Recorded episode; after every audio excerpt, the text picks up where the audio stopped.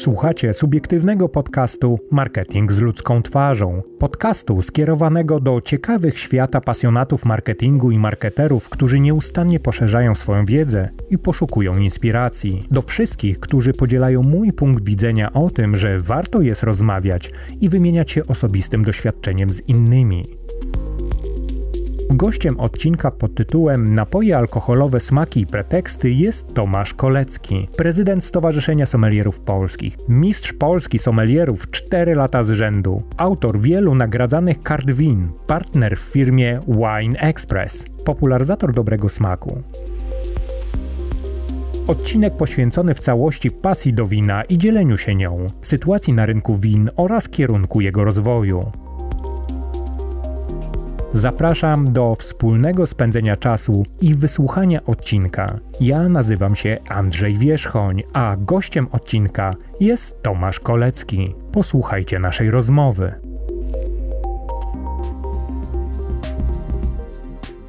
W nowym roku zaczynamy kompletnie nowy sezon podcastów Marketing z ludzką twarzą i mam ogromną przyjemność powitać Tomka Koleckiego, który jest niezwykłą personą z bardzo prostego względu, bo zajmuje się bardzo bąbelkowym biznesem, ale nie tylko bąbelkowym, bo i zwykłe bąbelki, i alkoholowe bąbelki, i bezbąbelkowe. No właśnie co, sam Tomek, przedstaw się proszę i powiedz, czym się zajmujesz. Więc y, zazwyczaj, kiedy przedstawiam się mówiąc dzień dobry. Otóż e, w zakresie mojej profesji znajdują się wszystkie legalne używki, zwłaszcza te płynne z naciskiem na wino. O, jak pięknie to się nazywa. Naprawdę, bardzo fajnie, powiem, powiem szczerze, będę to cytował. W związku z czym raz jeszcze dzień dobry. Tomku, bardzo się cieszę, że znalazłeś czas, żeby odwiedzić mnie w studio, żebyśmy mogli spokojnie nagrać podcast, żebyśmy mogli porozmawiać nie tylko o marketingu właśnie, ale o tych używkach, bo temat jest trochę śliski, w kontekście promowania, ale tu nie chodzi o promowanie, chodzi o przyjemność. I jak wszystko dla dorosłych jest, tylko trzeba to z głową, w związku z czym idziemy w tym kierunku. Woda jest używką? Nie, nie. No to w tym momencie też o wodzie będziemy mogli porozmawiać, bo zajmujesz się również wodami. Zdarzało się. Przejdźmy do konkretów. Powiedz tak naprawdę, czym się zajmujesz w kontekście jak gdyby tych używek, w tym nacisku, z naciskiem na alkoholowe? To jest e, dosyć szerokie zagadnienie, żebym odpowiedział tak e, jakby to powiedzieć, zwięźle, jak najbardziej jak potrafię, to jako tak zwany wolny strzelec do, mm, przez wiele lat. I też e, człowiek, który gdzieś stara się rozwinąć e, nasze branżowe stowarzyszenie sommelierów polskich Generalnie zajmuję się promocją dobrego życia, dobrych emocji. Jak to robię? Przez wszystkie chyba możliwe sposoby, czyli doradzając producentom, doradzając importerom, szeroko pojętej gastronomii, czy od strony szkoleń, czy tworzenia kart win, czy prowadzenia dla nich różnych e, wydarzeń, po takie rzeczy bardzo przyjemne, jak wycieczki do winnic z, z różnymi grupami i tak dalej. Generalnie wszystko wokół czego da się zrobić, coś powiedzieć, nauczyć i, i doradzić, to tam się nadaje. Zatrzymajmy się na chwilę w kontekście nauki. Żeby poznać wina, wiem coś o tym z bardzo prostego względu, dlatego że moja rodzina akurat zajmuje się Winigen produkcją wina. W związku z czym jako dziecko przeżywałem te tematy związane z winobraniem i paroma innymi kwestiami, bezpośrednio niezwiązanymi z samym piciem, dlatego że jako dziecku nie wolno mi było. Natomiast teraz doceniam te, te, te aspekty życia i patrząc na to, nauczenie się tego. Powiedz mi, jaka jest różnica między po prostu spożywaniem, a nauczeniem się spożywania i żeby wiedzieć jeszcze dodatkowo, co się spożywa. Znaczy, spożywanie jest najlepsze i, i tego bym się trzymał generalnie i, i, tego się trzymam w ogóle. E, zazwyczaj idziemy, idziemy z jakimiś znajomymi, którzy są spoza branży, idziemy do restauracji czy na jakieś wydarzenie, gdzie wino jest, zazwyczaj pytają, dobre, niedobre, albo dobrze podał, źle podał. Zawsze odpowiadam, smakuje, smakuje. Masz? Mam. Super. I to jest naj, najważniejsze. Nie przyszliśmy tutaj deliberować i, i oceniać, tylko no, pogadajmy, no, po, po, to tu się spotkaliśmy. Natomiast e, sama nauka spożywania, czy się przydaje? Na pewno. I, i to nie jest wcale takie, mm, jakby to powiedzieć, e, mm, tak nieregularne, że to jest jakaś abstrakcja, że to trzeba w różne zajączki łapać na raz za, za ogonki i tak dalej. Pamiętam, kiedyś zabrałem taką e, grupę w ogóle spoza branży, powiedzmy, że bardzo ekonomiczne głowy. A może w ten sposób do e, centrali jednego z najbardziej znanych systemów edukacyjnych o winie, czyli Wine and Spirit Education Trust, tak zwany WSET branżowo. No i poszliśmy na taki bardzo, bardzo, bardzo bazowy konkurs. No i tak wyszliśmy i, i taki, jakby to powiedzieć, no, lider całej grupy mówi, muszę ci powiedzieć, Tomku, że tak fajnie zawsze jak wyjeżdżaliśmy, to tak dużo opowiadasz, tak fajnie mówisz, to wszystko jest takie bajkowe, takie, takie te gwiazdki, wszystko takie super. Ale dzisiaj wiem, że to wszystko ma jakieś systematyczne podłoże i ja się już tego nauczę. Bo tak jest. No, wino jest bardzo systematyczne, generalnie. Pamiętając, no, skoro taka przeciętna kreatura, jak tutaj mówiący te słowa w ogóle coś ogarnął w, w tej sprawie, to na pewno da się to zrobić dla każdego przeciętnego, inteligentnego człowieka. Czyli nauka jest możliwa, czyli nie chodzi tylko i wyłącznie o to, żeby mieć niesamowicie wysublimowany smak, ale tego można się nauczyć w czasie, ale przede wszystkim nauczyć się wiedzy, która jest bardzo uporządkowana. Dokładnie. Najważniejsze nauczyć się, co lubimy, nie bać się iść w nowe kierunki i tak bazowo nauczyć się, czym się różni biały od białego, czerwone od czerwonego. To są bardzo proste historie. I jeżeli tego się uczymy, to to jest fajny punkt wyjścia do tego, żeby będąc wiesz, w restauracji czy w sklepie, umieć dobrze zapytać, albo dobrze odpowiedzieć na pytanie, co chcemy i to dostaniemy. Jeżeli to są, to są dwa, jedno zdanie złożone tak naprawdę i jesteśmy w stanie powiedzieć wszystko, co nam jest potrzebne. Idąc dalej tym tropem, e, bo idę dokładnie za tym, o czym ty mówisz, bardzo interesujący temat związany z kwestią posiadania umiejętności wyrażenia swoich potrzeb. Czyli nauka ma de facto służyć temu, żebyśmy mogli opowiedzieć dokładnie, co nam smakuje. Dokładnie. I zazwyczaj, czy prowadzę jakieś szkolenie dla załóg restauracji, hoteli i tak czy jest to jakiś warsztat, powiedzmy, dla miłośników wina, dla tych, którzy chcą się dowiedzieć. Robię dla nich jakby prowadzę tą, tą edukację dokładnie w ten sam sposób, w tym samym stylu, tylko nie w tym 28 szufladek po kolei, no, bo to nie jest ten czas ani miejsce, czy restauracja, czy sklep, żeby teraz deliberować i, i, i czas, tylko żeby jedni i drudzy wiedzieli tak samo, czego słuchać, o co pytać, co powiedzieć, co dostać. I mam nadzieję, że nie wiem, strzelam, że przez te kilkanaście lat takich szkoleń czy warsztatów przeprowadziłem pewnie czterocyfrową liczbę już. Czasami mam taką małą przyjemność, że widzę, że to działa, że te osoby gdzieś tam potem przekazują i, i, i słyszę gdzieś tam nawet jako, sam jako konsument czy jako klient sklepu, że te osoby, których nie znam de facto, informują mnie w ten sposób, o który, o który mi chodzi. I to jest super. Dlaczego ludzie do ciebie przychodzą, żeby się nauczyć win? Nie wiem. Sam jestem zdziwiony tym naprawdę. A jak się sam wkręciłeś w ten temat? A to jak zwykle przez ludzi. Do, do gastronomii ciągnęło od zarania dziejów, jak to się ładnie mówi. I miałem do wyboru albo zostałem pilotem samolotu wojskowego, albo szefem kuchni. To pierwsze się nie udało. Nie będę wracał smutna historia. Natomiast e, to drugie udało mi się wywalczyć, bo mm, moja wychowczyni chciała ze mnie zrobić prawnika albo dziennikarza. Więc grzecznie uciekłem e, z papierami i złożyłem od razu do technikum gastronomicznego i postanowiłem zostać wspaniałym szefem kuchni. No i tak krok po kroku uczyłem się w technikum, potem jakieś pierwsze restauracje, pierwsze hotele i niechcący wyjęto mnie z kuchni na salę. I usłyszałem pochwały o tym, to sam przygotowałem przed chwilą zresztą, gdzie ten chwalący nie wiedział o tym. Mi się spodobało, że ktoś mnie chwali. Znaczy zawsze lubię, jak ktoś mnie chwali. No i tak krok po kroku wszedłem sobie na tą salę i spotkałem kilka osób, które pokazały mi wino.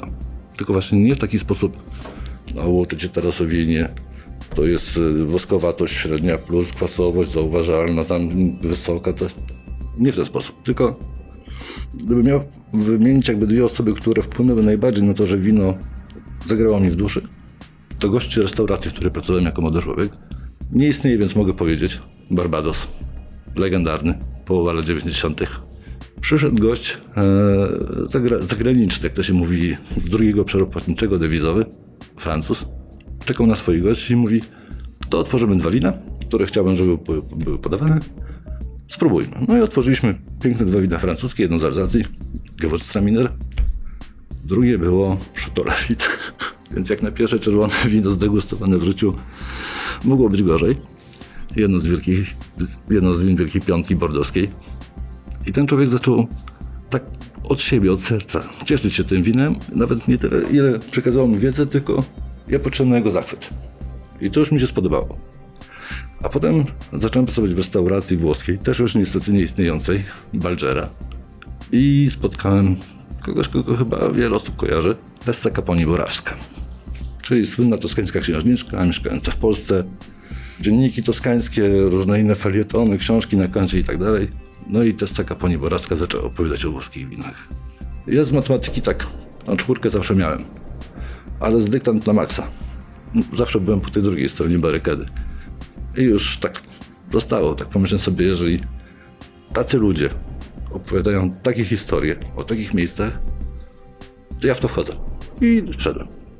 I zacząłeś po prostu e, uczyć się o winach. Dokładnie.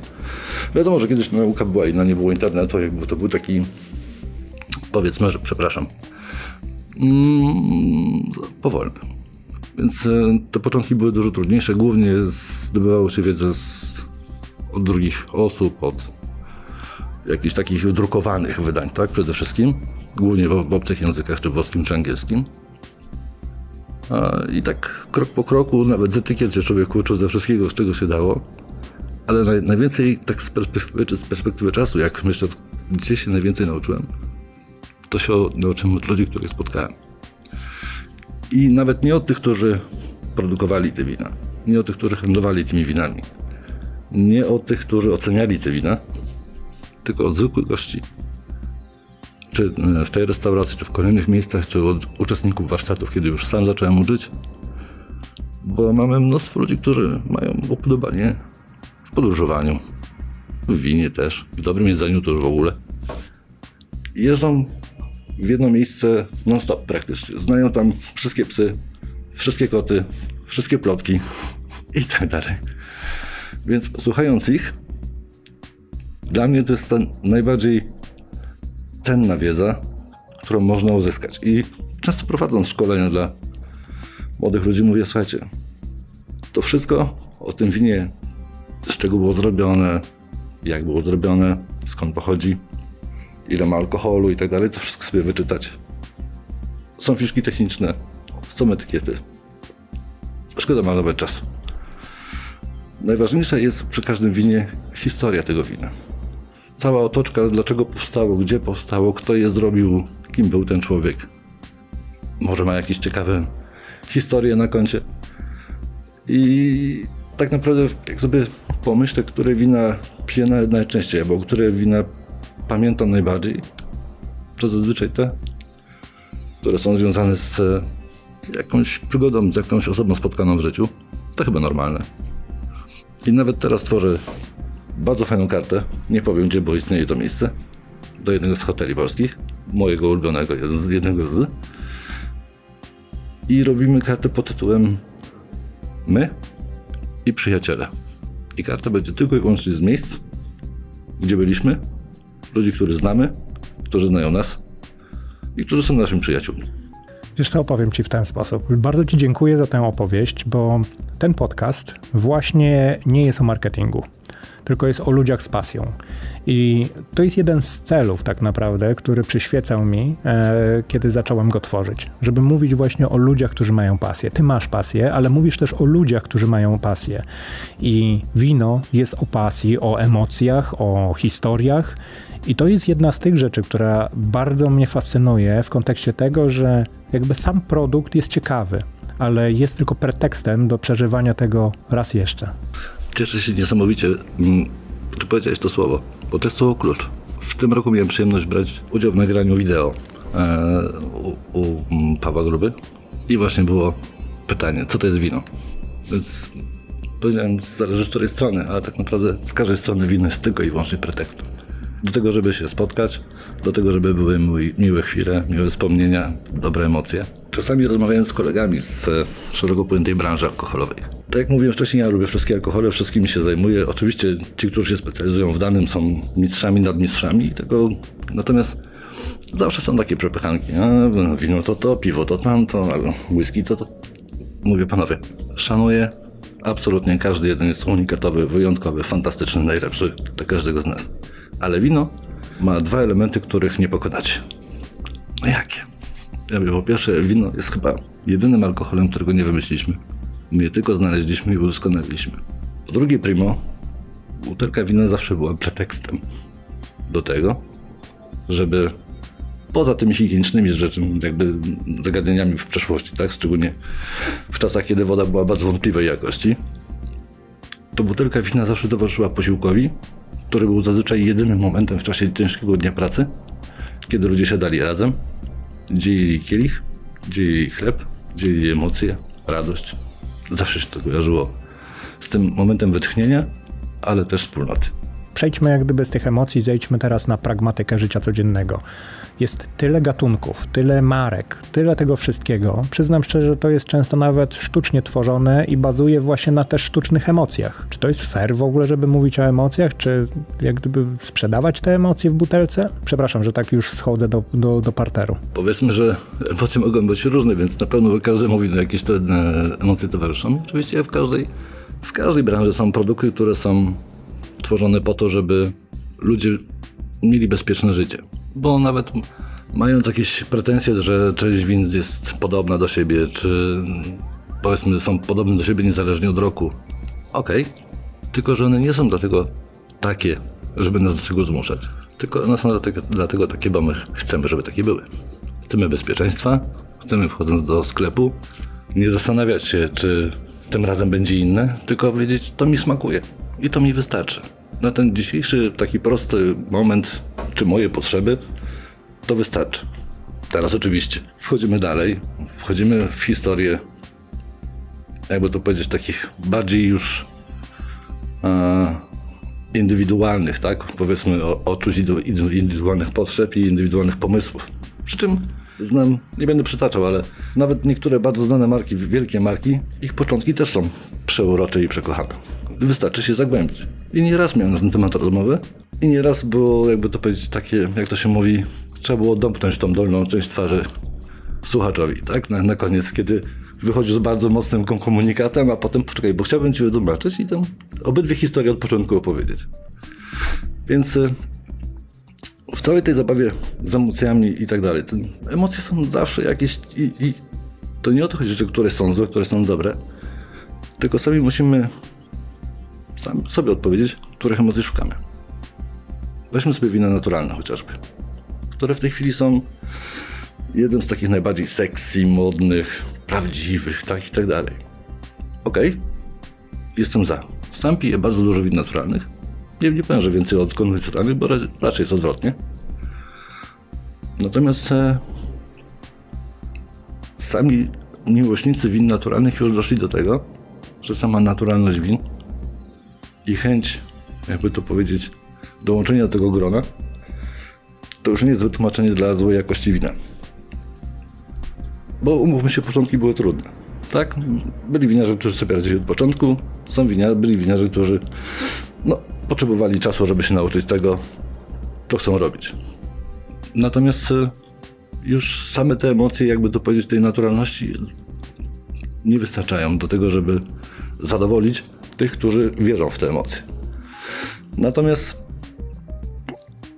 nawet idąc w te emocje, dla mnie najważniejsze i czasami opowiadam o tym, że słuchajcie, są ludzie, którzy piją takie wina, są ludzie, którzy piją takie wina, są ludzie, którzy piją takie wina. Niezależnie, które wino pijecie. Pamiętajcie zawsze, że wy jesteście w pewnym miejscu pewnego kręgu. I im bardziej się od tego, w którymś miejscu tego kręgu zadeklarujecie, to na pewno to, co jest po drugiej stronie, wam umknie. A tam się może okazać, że coś na was czekało. Więc nawet jeżeli lubicie ten kawałek, tę okrążkę, to rozglądacie się.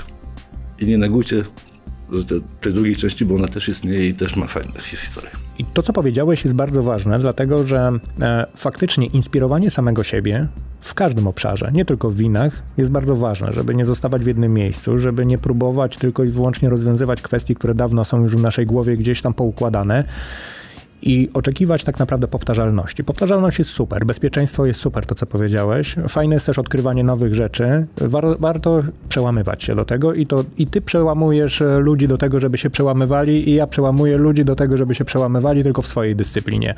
Natomiast idąc tym tropem, jeżeli mamy już zacząć uczyć się przełamywać, to wszyscy obawiają się w topy, no bo to jest koszt, to jest wydatek. Czyli jak zacząć, gdzie zacząć, co zrobić, żeby nauczyć się robić to bezpiecznie. Tylko padnę, spadnę z krzesła, jak mi powiesz za chwilę, że pójść na kurs, gdzie po prostu nie. częstują. Nie. Na szczęście. Dwie, dwie rzeczy e, są na pewno, nie, nie powiem, że gwarantują, ale na pewno będą bardzo pomocne. Znaleźć sobie miejsce, nie powiem, że jedyne, do którego będziemy chodzić, ale znaleźć sobie takie miejsce, gdzie dosyć często będziemy kupować wina i w którym będzie ktoś, kto rozumie, co do niego mówimy. i który będzie nas prowadził krok po kroku. Widziałem wiele takich historii. Nie to, że ja je prowadziłem, a też mi się zdarzało oczywiście, chociażby na Burakowskiej słynnej.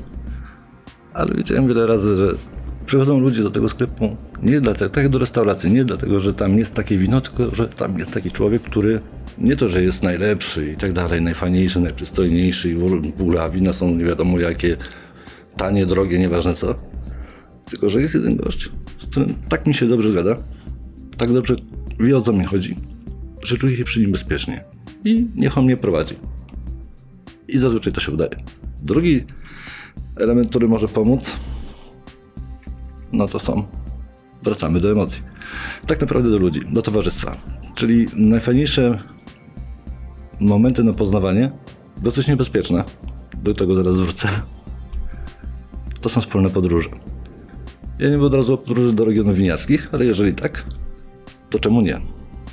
Podróże generalnie, jeżeli gdzieś przy okazji tam są wina i chcemy, super. Okoliczności. Czy to będzie restauracja, czy to będzie region winiarski, czy to będzie jakiś przy okazji wizyta, jak będziemy sobie gdzieś tam nad morzem, nie, nieważne gdzie, w jakimś ciepłym kraju, z tymi osobami, w tym nastroju.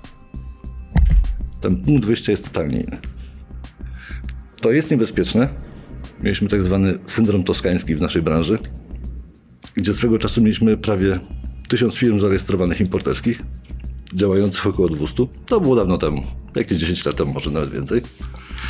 I większość tych firm niedziałających to były ofiary takich wyjazdów, które jechały sobie do Toskanii, piły sobie wineczko z banka za 2 euro. Piękne widoki, oliwa, pane, wszystko się zgadza. Ci ludzie, ten jeszcze gada po włosku skubany, nie? I to płynnie. Myśleli sobie, kurczę, przecież jak ja to wino za 2 euro przywiozę do, do Polski, to ludzie zwariują, a ja już mogę Maybacha wybierać. Potem się okazało, że to wino w Polsce nie smakuje tak samo. No bo są inne emocje, inne okoliczności. Nie do końca też wiedzieli, jak to wino sprzedać, komu sprzedać i, i w ogóle nawet jak je zaimportować poprawnie. No, różnie bywało. Było wesoło. I chyba takim najjaskrawszym przykładem tego właśnie to jest wesele Jamie'ego Oliviera, którego pewnie wielu kojarzy. On swoje mm, wesele urządził na Sycylii. I jeden z win, które serwował gościom, był słynne wino z Toskanii, nie będę go wymieniał, żeby nie robić reklamy, znane. Jeden z tak zwanych super Toskanów, powiedzmy, tak to się ładnie nazywa. No i oczywiście każdy, który, każdy z gości otrzymał to wino do domu. I zaczęły się zwroty. Że wino jest niedobre, że wino jest wadliwe. To było cały czas to samo wino, tylko już nie na Sycylii, nie na weselu Jimmy'ego Olivera. To trochę jak te półwytrawne i wytrawne bąbelki pite do tortu weselnego o 12 w nocy jeszcze śmietanowego. Człowiek się pieni, jest gorzko, ale o 12 w nocy na weselu. Proszę.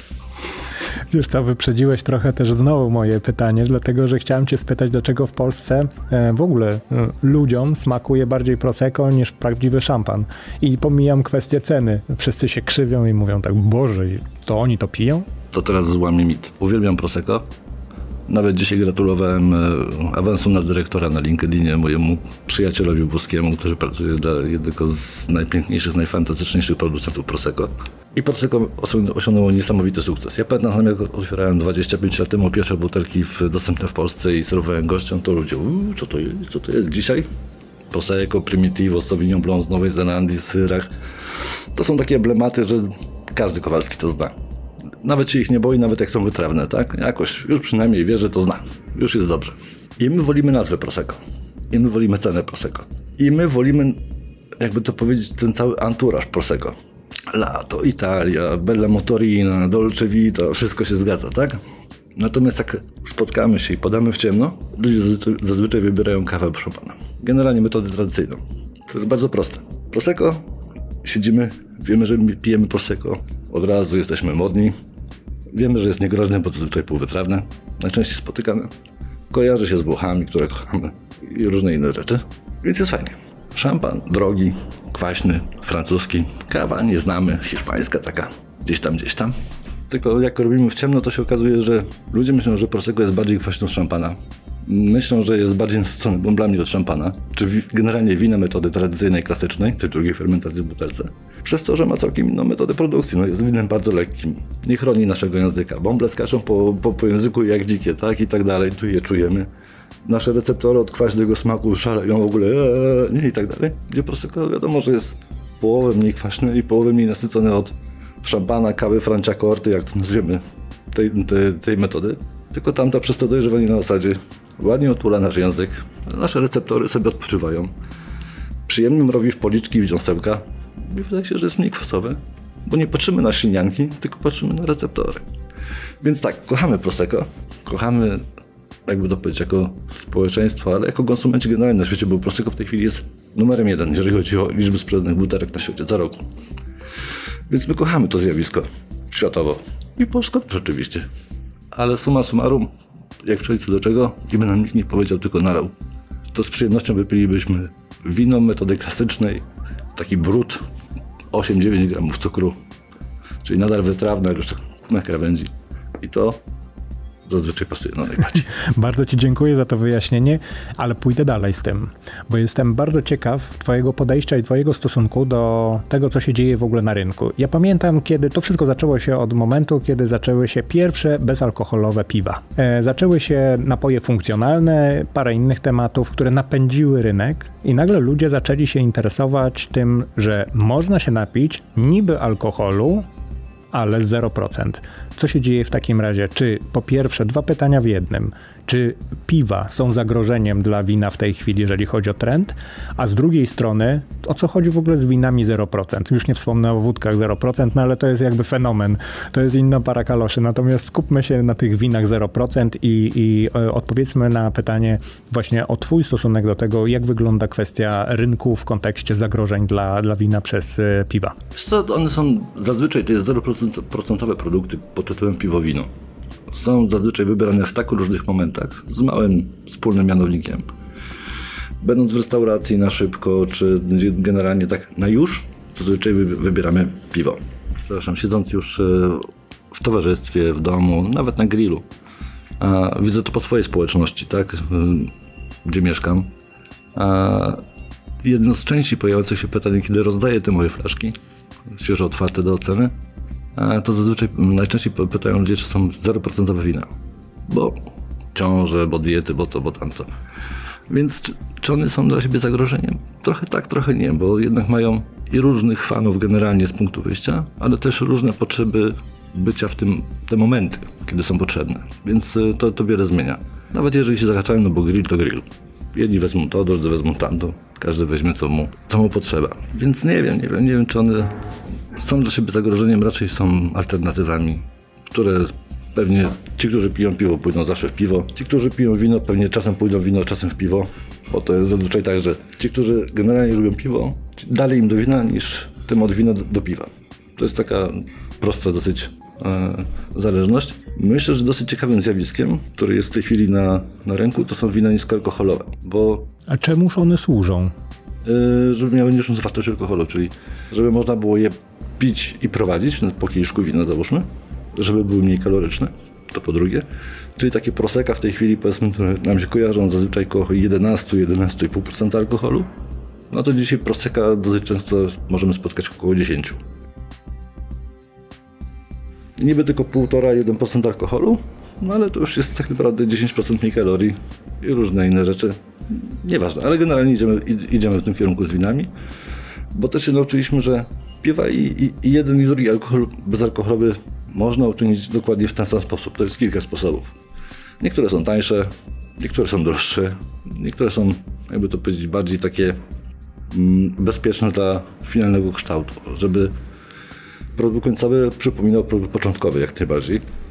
I to się udaje, tylko oczywiście to jest metoda naj- najdroższa, no bo wymaga najwięcej energii, żeby to wszystko napędzić i różne inne rzeczy. Zgrzeszę. Mm, tak jak widzę potrzebę bycia win bezalkoholowych dla ludzi, którzy naprawdę ich potrzebują, tak samo jak piw bezalkoholowych dla ludzi, którzy ich naprawdę potrzebują, bo nie mają alternatywy. Chcą, ale nie mogą. To nie wydaje mi się, żeby jeden i drugi kierunek w ogóle mm, kiedykolwiek stał się jakby tym wiodącym. Tak? No, to są zawsze wybory awaryjne. pijesz piwo bezalkoholowe dla przyjemności? Tak z wyboru, czy, czy wino? Nie, zazwyczaj jest to Konieczność. konieczność, dokładnie. Więc nawet jeżeli one gdzieś tam ze sobą walczą, nawet jeżeli e, mają swoich różnych odbiorców, tak jak i klasyczne wersje, to zawsze to będzie jakaś tam mniejsza. Więc Ale to cieszę się, że to powiedziałeś. Poza tym, że przygrywają nam talerze, przynajmniej wiadomo, jesteśmy w gastronomii, w związku z czym super, niech nie grają talerze. Natomiast e, wracając do naszego tematu, trend, który e, został wygenerowany w kontekście właśnie 0%, to jest właśnie takie udawane emocje, czy, bo ten kierunek jakby mnie bardzo interesuje, bo w zasadzie to nie są takie same emocje jak przy niestety alkoholu. Przepraszam, że przy, powiedziałam niestety, ale no tutaj boję się, żeby nam nie weszli na głowę, że promujemy spożywanie alkoholu. Nie promujemy go, tylko opowiadamy o emocjach. W związku z czym e, w tym przypadku są to trochę udawane emocje, bo to nie jest taka sama zabawa. Trochę udajemy, że bawimy się, trochę takie placebo. Nawet jak sobie, tak, tylko jak sobie spojrzysz, e, kto najczęściej w tej chwili sięga po produkty bezalkoholowe? Czy wina bezalkoholowe, szczególnie aromatyzowane? Czy po tak zwane bezalkoholowe radlery i tego typu historie? Sięgają młodzi ludzie, którzy traktują te napoje na, bazie- na, ba- na zasadzie oranżady. Po prostu i to jest normalne. To jak to wkroczyło, chyba taki pierwszy boom na takie produkty, tylko jeszcze alkoholowe. To był czas e, pierwszego kryzysu ostatnich raczej Lehman Brothers. Pamiętam nie jeden region winiacki, gdzie młodzież e, bawiła się, że tak powiem, e, zapominając o winie od taty i od mamy, tylko z, w środku miasteczka czy miasta sobie pijali takie rzeczy. Przyszedł kryzys, przypomnieli sobie, że są takie rzeczy, no bo były w domu, były taniej i różne inne rzeczy. Więc te produkty bazowe, tak po to wino bezalkoholowe, piwo bezalkoholowe, to zawsze będzie konieczność. Natomiast to, co ma wyciągnąć produkty bezalkoholowe jakby na ten masowy produkt, taki popularny, to zazwyczaj są aromatyza- różnego różne historie aromatyzowane i to jest walka o młodego konsumenta. To już nie jest konieczność, tylko to jest jakby zaciągnięcie ludzi w ogóle w ten smak, w ten świat. Pewnie przez to łatwiej będzie też niż powiedzmy mojemu pokoleniu, tak? W ogóle pójść krok dalej szybciej wcześniej. Może tak, może nie, może zostaną przy tym. Natomiast e, wszystkie, większość bezalkoholowych sukcesów chyba ostatnich lat to są wszystko, co jest na bazie piwa, na bazie wina, czy na bazie alkoholu. To nie ma alkoholu, ale jest aroma- aromatyzowane. I to jest produkt komercyjny tak naprawdę. Te wszystkie rzeczy klasyczne, ale bez alkoholu, to są tylko układy do potrzebujących. Przejdźmy dalej. Jeżeli patrzymy na wina, bo to jest bardzo interesujący aspekt, powiedz mi, jak wygląda rynek w Polsce? Bo ja przyznam szczerze i nie mogłem się powstrzymać. Naprawdę, uwierz mi, bardzo się starałem, bo ta osoba stała, stała na scenie, a ja bardzo chciałam z honorem, jak gdyby dać, e, e, że tak powiem, wydźwięk temu, co ta osoba osiągnęła. Natomiast było to, i tutaj celowo nie użyję nazwy faktycznej, było to Chateau Śląsk polskie wina e, i teraz, czy one w ogóle mają szansę? Czy to w ogóle jest kwestia rozmowy na ten temat i czy w ogóle jesteśmy w stanie na jakimkolwiek poziomie konkurować? Czy to jest po prostu zjawisko? Więc tak, dzieląc e, polski rynek wina na te dwa zjawiska, czyli na konsumenta i na, A, producentów. i na producentów. Mm, Szato Śląsk. No, brzmi ładnie, z czymś mi się to kojarzy, ale nie będę jakby cią- ciągnął tematu. Natomiast tak, zacznę od tego pierwszego, który jest dla mnie zawsze miły, bo wiele razy jeżdżąc na różnego rodzaju targi winiackie, czy do Düsseldorfu, czy do Werony, czy do Bordeaux, bo to były trzy główne imprezy zawsze, teraz do Paryża przeniesione Bordeaux zresztą. Wielu kolegów z branży, tłumacząc producentom czego potrzebują, mówili o cukrze, że Polacy lubią słodkie wina. Próbowałem mówić, trochę tak, trochę nie, trochę nie. Polacy lubią łagodne wina. To jest duża różnica. I pamiętam jak z moim kolegą z branży, który troszkę dłużej nawet w niej jeszcze siedzi, szczególnie w tej, no, w części handlowej, tak to ładnie nazwijmy, założyliśmy się ładnych parę lat temu, jak będzie wyglądała struktura picia smaku win w Polsce za 10 lat.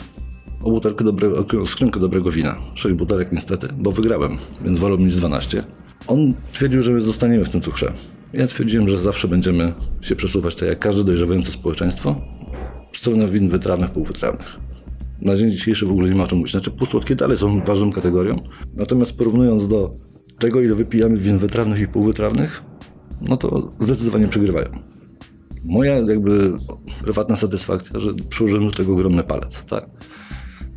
I powiedzmy, że mm, tam, gdzie doradzam, konsumenci wypijają prawie 50% win wytrawnych, gdzie w ogóle to nie jest kojarzone jakby z tą rzeczywistością, w której jesteśmy. Ale to już tak pomijam, więc polski konsument się uczy, tak jak każdy konsument na świecie. Tak naprawdę myśmy 30 lat temu byli mniej więcej w tym miejscu jak Anglicy 50 lat temu. My dzisiaj nie jesteśmy już 20 czy 30 lat z Anglikami, tylko dwa albo trzy. Jeżeli chodzi o średni gust konsumenta. Nie mówię o zamożności, o, o tym, jakie winy jesteśmy w stanie kupić i tak dalej, tylko o preferencjach. Więc bardzo szybko nadrobiliśmy jako społeczeństwo. To jest norma. Tacy jesteśmy. Natomiast polskie wina. Hmm. Jest to tak zwany kurczaczek, który bardzo ładnie rośnie. I naszą jakby rolą jako konsumentów, a moją jakby tutaj jako jednego też z twórców jednego z, z konkursów polskich win, Gaśle, jest jakby dbać o to, żeby tego kurczaczka nie zadeptać. Dać mu szansę wyrosnąć na fajnego kogucika i wtedy zobaczyć i zdecydować. Tym bardziej, że jak wszystko na początku, są ludzie, którzy się uczą, którzy tworzą te wina z takiej, jakby to powiedzieć, no, ciekawości na samego siebie, to się potem rozrasta. Tak samo są ludzie, którzy od razu wchodzą z pomysłem, z możliwościami. I to da, daje oczywiście dwie możliwe drogi. Na całe szczęście, nawet jeżeli są tacy, którzy robią Szatośląsk, czyli powiedzmy polskie wina, które są dobre dlatego, że są polskie. Tak? Na tej zasadzie. Ale znam też wspaniałe projekty polskie, bardzo poważnych biznesmenów, a którzy doprowadzili do tego, że w tej chwili w Polsce mamy takie miejsca, gdzie nie muszę brać ludzi za granicę. To musiałem robić kiedyś. Tylko jedziemy do jednego, drugiego, trzeciego czy kilku z nich. Mam do wyboru, bo jesteśmy dosyć mocno już, jakby to powiedzieć, zaznajomieni ze sobą. Biorę ich do tej polskiej winiarni i mówię, to co tutaj widzicie, to jak powiedzieć do Toskanii, do Bordeaux, do Riochy. To nie jest to, że zobaczycie to tam na, na każdym kroku. To, co tu widzicie, to jest to, co tamci winiarze chcieliby mieć na każdym kroku. Bo my w tej chwili mamy dzięki tym poważnym, powiedzmy, inwestycjom winiarzy, którzy wkładają pieniądze w marzenia, nie w biznes, bo znam takich. Pieniądze robią gdzie indziej, tutaj jakby realizują jakieś swoje pomysły, chcą być liderami, pionierami albo z, no różne rzeczy. Każdy ma swoje jakieś motywacje. Natomiast mamy tak wspaniale wyposażone winiarnie robiące tak wspaniałe wina, nie polskie wina, którzy robią tak wspaniałe wina, że mamy w tej chwili, tak jak na dnie znajdziemy pewną grupę, powiedzmy, produktów, których pewnie spróbujemy i nie wrócimy. A może nie spróbujemy i, dobrze. A może będą lepsze kiedyś, zobaczymy. Wiadomo, że ten środek zawsze jest najszerszy. Tych, którzy się uczą, tych, którzy chcą, którzy, no, powiedzmy, starają się i zaraz pójdą dalej. Natomiast już nie jest tak, że mamy jakieś projekty, próby, jakieś przyzwoite wina i parę dobrych, tylko mamy całą grupę, a cał, całą grupę. To w każdym regionie poważnym, polskim, polskim powiedzmy kojarzonym z winem, jestem w stanie wskazać kilka winiarni, które robią wina na autentycznie międzynarodowym poziomie. Sam woziłem polskie wina za, za granicę nieraz, na różne poważne imprezy, na różne poważne spotkania, czy do winiarzy, czy do cwaniaków, to już obojętne.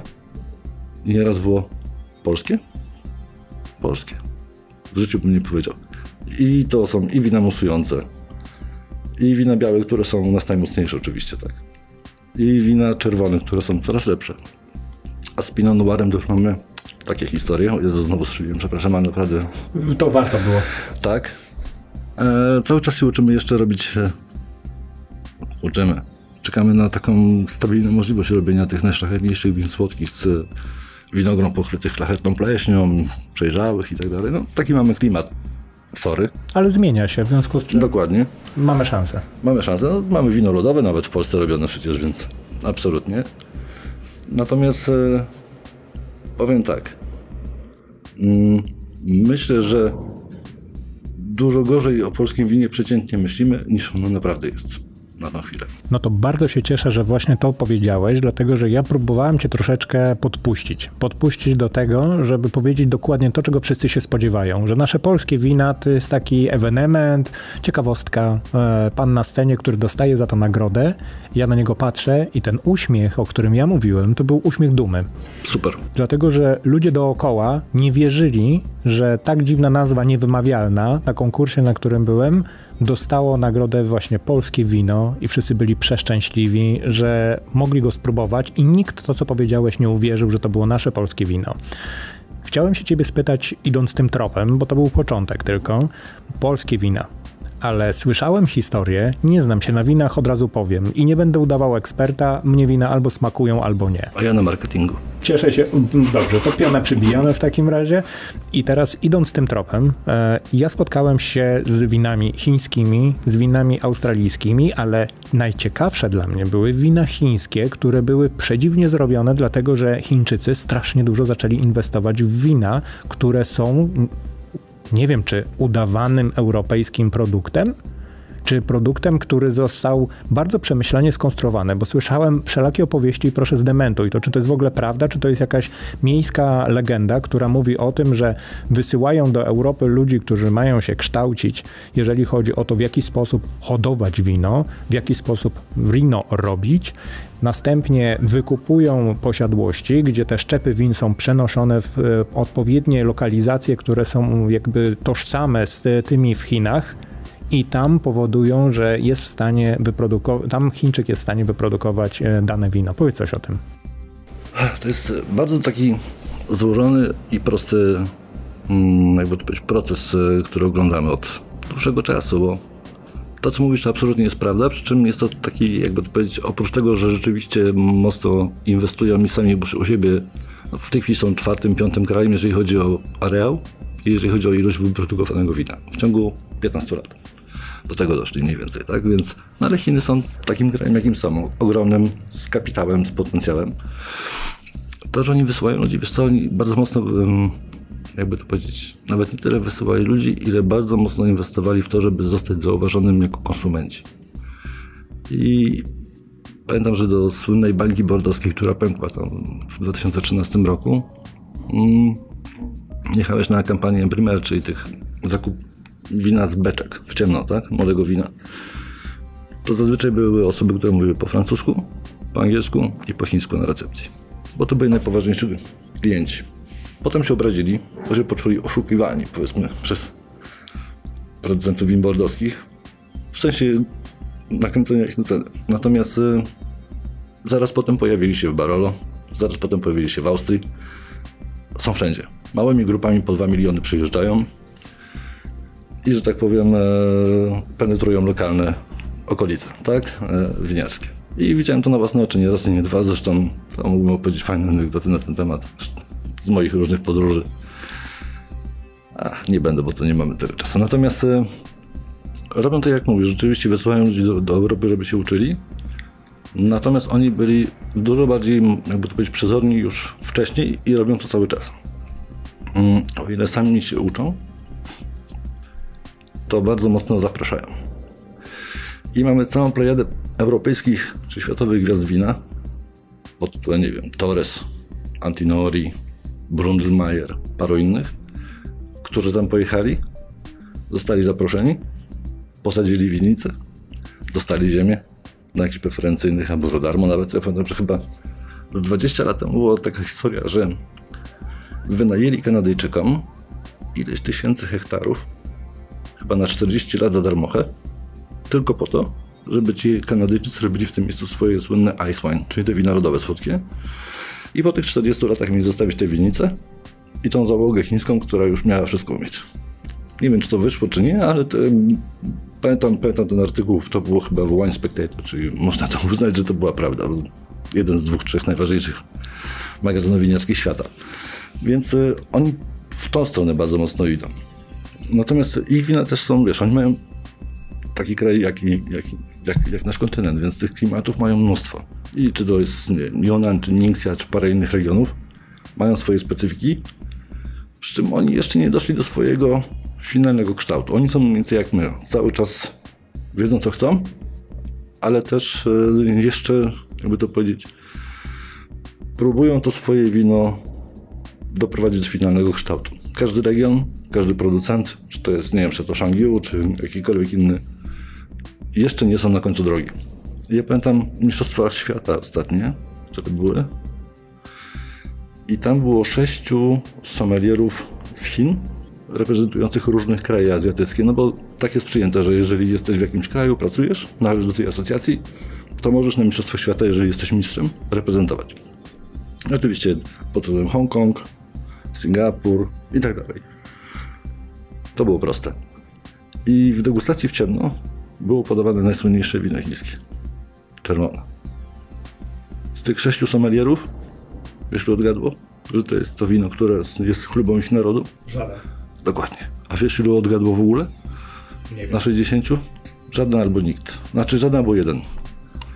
Znaczy, też kiedyś robiłem dziwne rzeczy, jak e, ustalałem wszystkie konkurencje na Mistrzostwa Polski na przykład, sommelierów.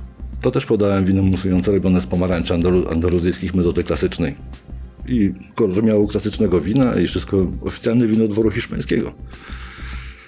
Tylko, że to był pierwszy raz, kiedy robiłem, kiedy ustalałem tę konkurencję już. Nigdy więcej nikomu czegoś takiego nie zrobiłem, bo takich rzeczy się nie robi, bo to też pokazuje, że no, sędziowie też się uczą być sędziami. Teraz mamy Szymona Marciniaka i jest super, tak? Ale też miał swoją przeszłość, żeby dojść do tego, gdzie, e, gdzie jest. Więc wina chińskie będą dominować e, rynki bardzo niedługo. Na razie mają ten sam problem co my. Jeszcze nie robią tyle wina, żeby dla nich samych go wystarczyło. Nie wiem jak w tej chwili, ale oni też robili dosyć ciekawe historie. Na przykład Australijczycy czy Nowozelandczycy są w nich zakochani. Do, chyba do Guangzhou to chyba 9 rejsów z różnych miast e, australijskich w tygodniu wylatuje, czy, czy codziennie, już nie pamiętam. No, grube historie.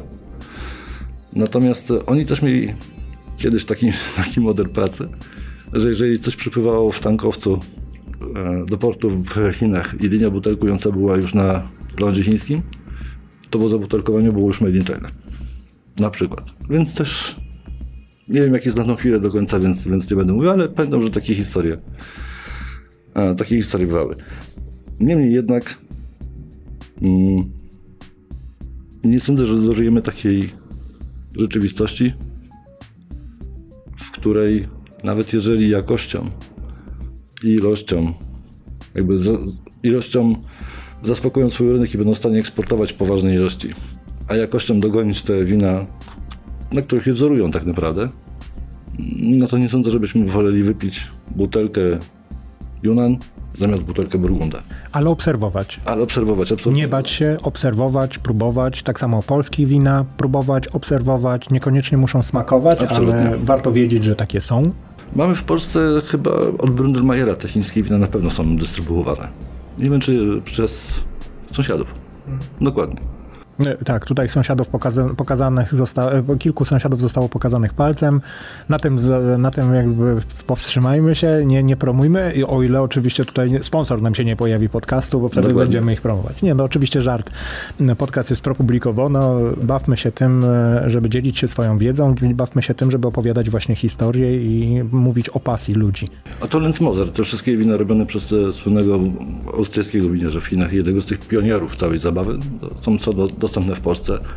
Polecam, żeby spróbować, żeby się przekonać, e, jakby to powiedzieć, jak może wyglądać e, przyszłość chińskiego winiarstwa, bo tak naprawdę te wina są, podejrzewam, w 3 czwartych drogi finalnego kształtu.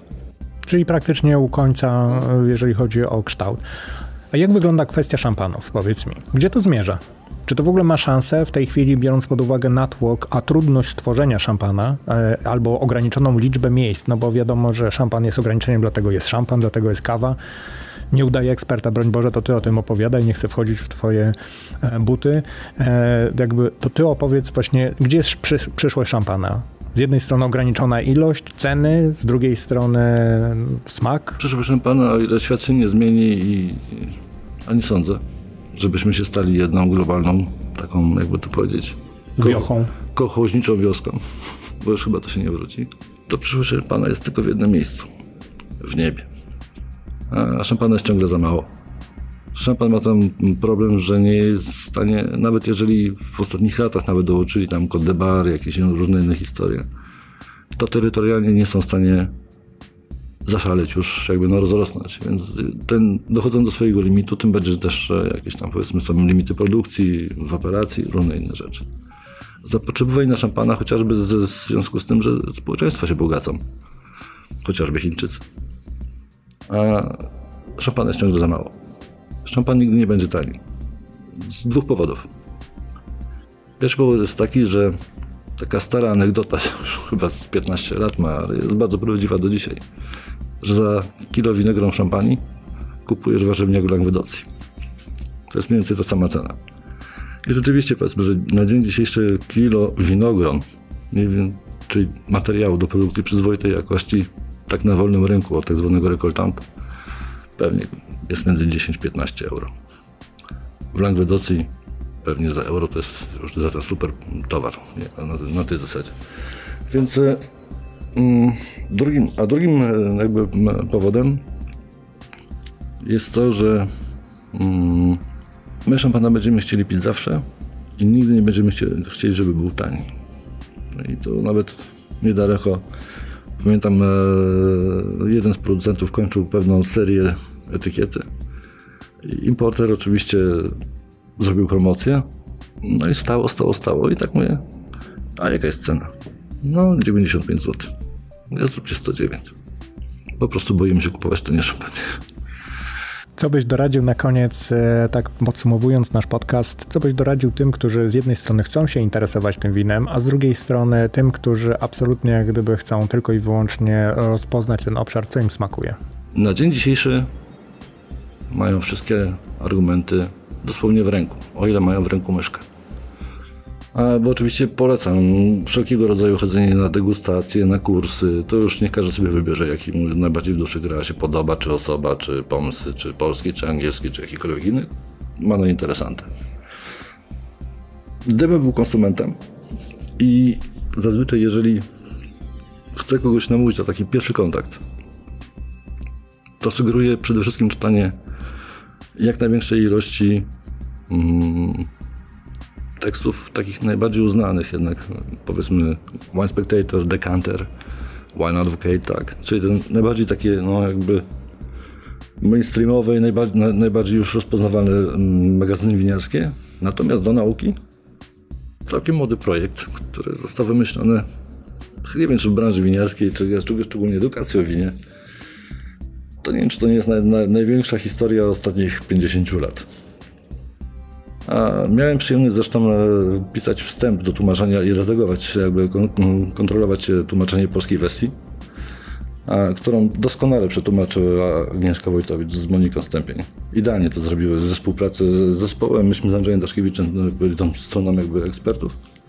Miałem po, przyjemność popełnić nawet stan do książki, bo jest też książka, tego się, nie od tego się zaczęło, a na tym się skończyło, że jest książka wydawana w kilku językach. Paradoks polega na tym, że polskie tłumaczenie zostało uznane za jedno z, z, z chyba któreś tam najlepsze tłumaczenie książki branżowej, na, przez któryś tam z tych konkursów właśnie na ten temat, już nie pamiętam który. Natomiast e, polskie tłumaczenie też stało się bazą do tłumaczeń na, na inne języki. No, fajna, fajna historia, to jest super i tutaj absolutnie Agnieszka z Moniką warto było, przepraszam. Warto było, drugie cmoknięcie mam Natomiast już kończę z inicjatywą zabawy Madeleine Fouquet, a cała inicjatywa nazywa się Wine Folly. I możemy to zrobić w internecie, możemy sobie ściągnąć różne materiały, kupić książkę, to już jak to woli, po angielsku, po polsku i tak dalej. Natomiast tam jest tak ładnie, leciutko, przystępnie, w formie bardzo fajnych ikon, pokazane każde winogrono, a każdy, są podawane te najważniejsze, takie jakby to powiedzieć, nawet nie najważniejsze, tylko takie najbardziej warte jakby poznania informacji o każdym miejscu, gdzie robi się wino. Nie, że od razu, tylko właśnie z tej, z tej strony no jest tak, tak, tak, tu, tu, tu, tu. Bardziej właśnie tak, jakby to powiedzieć, na zasadzie opowieści znajomego niż wykładu profesora. Ale jest to merytorycznie, absolutnie nie ma co się, no zawsze może być lepiej, ale jakby według nastroju, według którego zostało to zrobione i odbiorcy, dla których zostało to zrobione, to jest more than enough. Świetnie, bardzo dziękuję, bo to mam nadzieję pokieruję. Oczywiście będę Cię namawiał do tego, żebyś mi podesłał link i ja ją umieszczę pod podcastem, po to, żeby wszyscy mogli się z tym zapoznać. Na pewno podcast będzie dostępny na LinkedInie. To na sam koniec, e, podsumowując całość, e, chciałbym Ci bardzo podziękować za udział w podcaście. Mamy niespodziankę dla naszych słuchaczy, dlatego że przed sekundą ustaliliśmy, że gratisem dla naszych słuchaczy, którzy wytrzymali do samego końca, będzie możliwość konsultowania z Tobą wybranego tematu winiarskiego. Pozostawmy im temat e, samym sobie, mhm. czyli niech ci eksperci nasi, którzy są na LinkedInie, tudzież słuchają tego podcastu z innych źródeł, będą mogli do Ciebie dotrzeć dzięki mnie albo linkom, które są umieszczone pod podcastem. Natomiast na sam, sam koniec mhm. chciałbym Cię zapytać o coś, o co pytam każdego mojego gościa. Mianowicie wyobraź sobie, że budujemy rakietę tu na naszej Ziemi. Budujemy tę rakietę z intencją strzelenia w kosmos. Niech ona pędzi sobie między galaktykami, planetami i niech napotka cywilizację. Mhm. Co my mamy napisać na tej rakiecie, żeby zachęcić tę cywilizację, żeby nas odwiedzili? Co mamy napisać na tej to bym powiedział tak, jesteśmy lepsi niż się wydaje, fajniejsi niż się wydaje. Faktycznie, warto nas poznać, odwiedzajcie nas i spróbujcie wina. To koniecznie już. A, tak. dzięki bardzo, dzięki za czas, dzięki za podzielenie się całą swoją wiedzą na ten temat. Mam nadzieję, że to nie nasz ostatni podcast. Zawsze zachęcam do tego, żebyśmy wracali do takich tematów. Pozdrawiam i dziękuję. Dziękuję. Dziękuję, rozkoszą wrócę, jeżeli tylko ktoś, że tak powiem, nie będzie miał nic naprzeciw. Bardzo dziękuję. Dziękuję również w pierwszym odcinku podcastu Marketing z ludzką twarzą w sezonie trzecim. Wysłuchaliście przed chwilą pierwszego odcinka trzeciego sezonu podcastu Marketing z ludzką twarzą. Odcinka zatytułowanego Napoje alkoholowe, smaki i preteksty. Za mikrofonem jak zwykle Andrzej Wierzchoń, a gościem odcinka był Tomasz Kolecki. Odcinek o pasji do wina i dzieleniu się nią, sytuacji na rynku win oraz kierunkowi jego rozwoju. Dialog, jak wiecie, jest dla mnie bardzo ważny, dlatego zachęcam Was do bezpośredniego kontaktu i rozmowy ze mną. Jeśli macie jakiekolwiek pytania, uwagi, komentarze, możecie mnie znaleźć na LinkedInie. Wystarczy, że u góry strony w wyszukiwarkę wpiszecie Andrzej Wierzchoń. Możecie również pisać maile bezpośrednio pod mój adres andrzej.wierzchon.gmail.com Podcast ma swoje profile na Instagramie i Facebooku. Na Instagramie znajdziecie go wpisując marketing podcast podkreślenie.pl, a na Facebooku pod hasłem marketing z ludzką twarzą. Szczegóły i linki jak zwykle umieszczam w opisie tego podcastu. Tradycyjnie już na koniec zachęcam do subskrypcji podcastu i wysłuchania poprzednich oraz kolejnych odcinków. Jeśli się Wam podobały, dzielcie się informacją i linkami ze swoimi znajomymi. Będzie mi bardzo miło móc dzięki Wam dotrzeć do nowych słuchaczy. Odcinek dobiegł już końca. Dziękuję za wspólnie spędzony czas i do usłyszenia w kolejnych odcinkach podcastu Marketing z ludzką twarzą, subiektywnego podcastu o marketingu, rynku strategii i ludziach z pasją.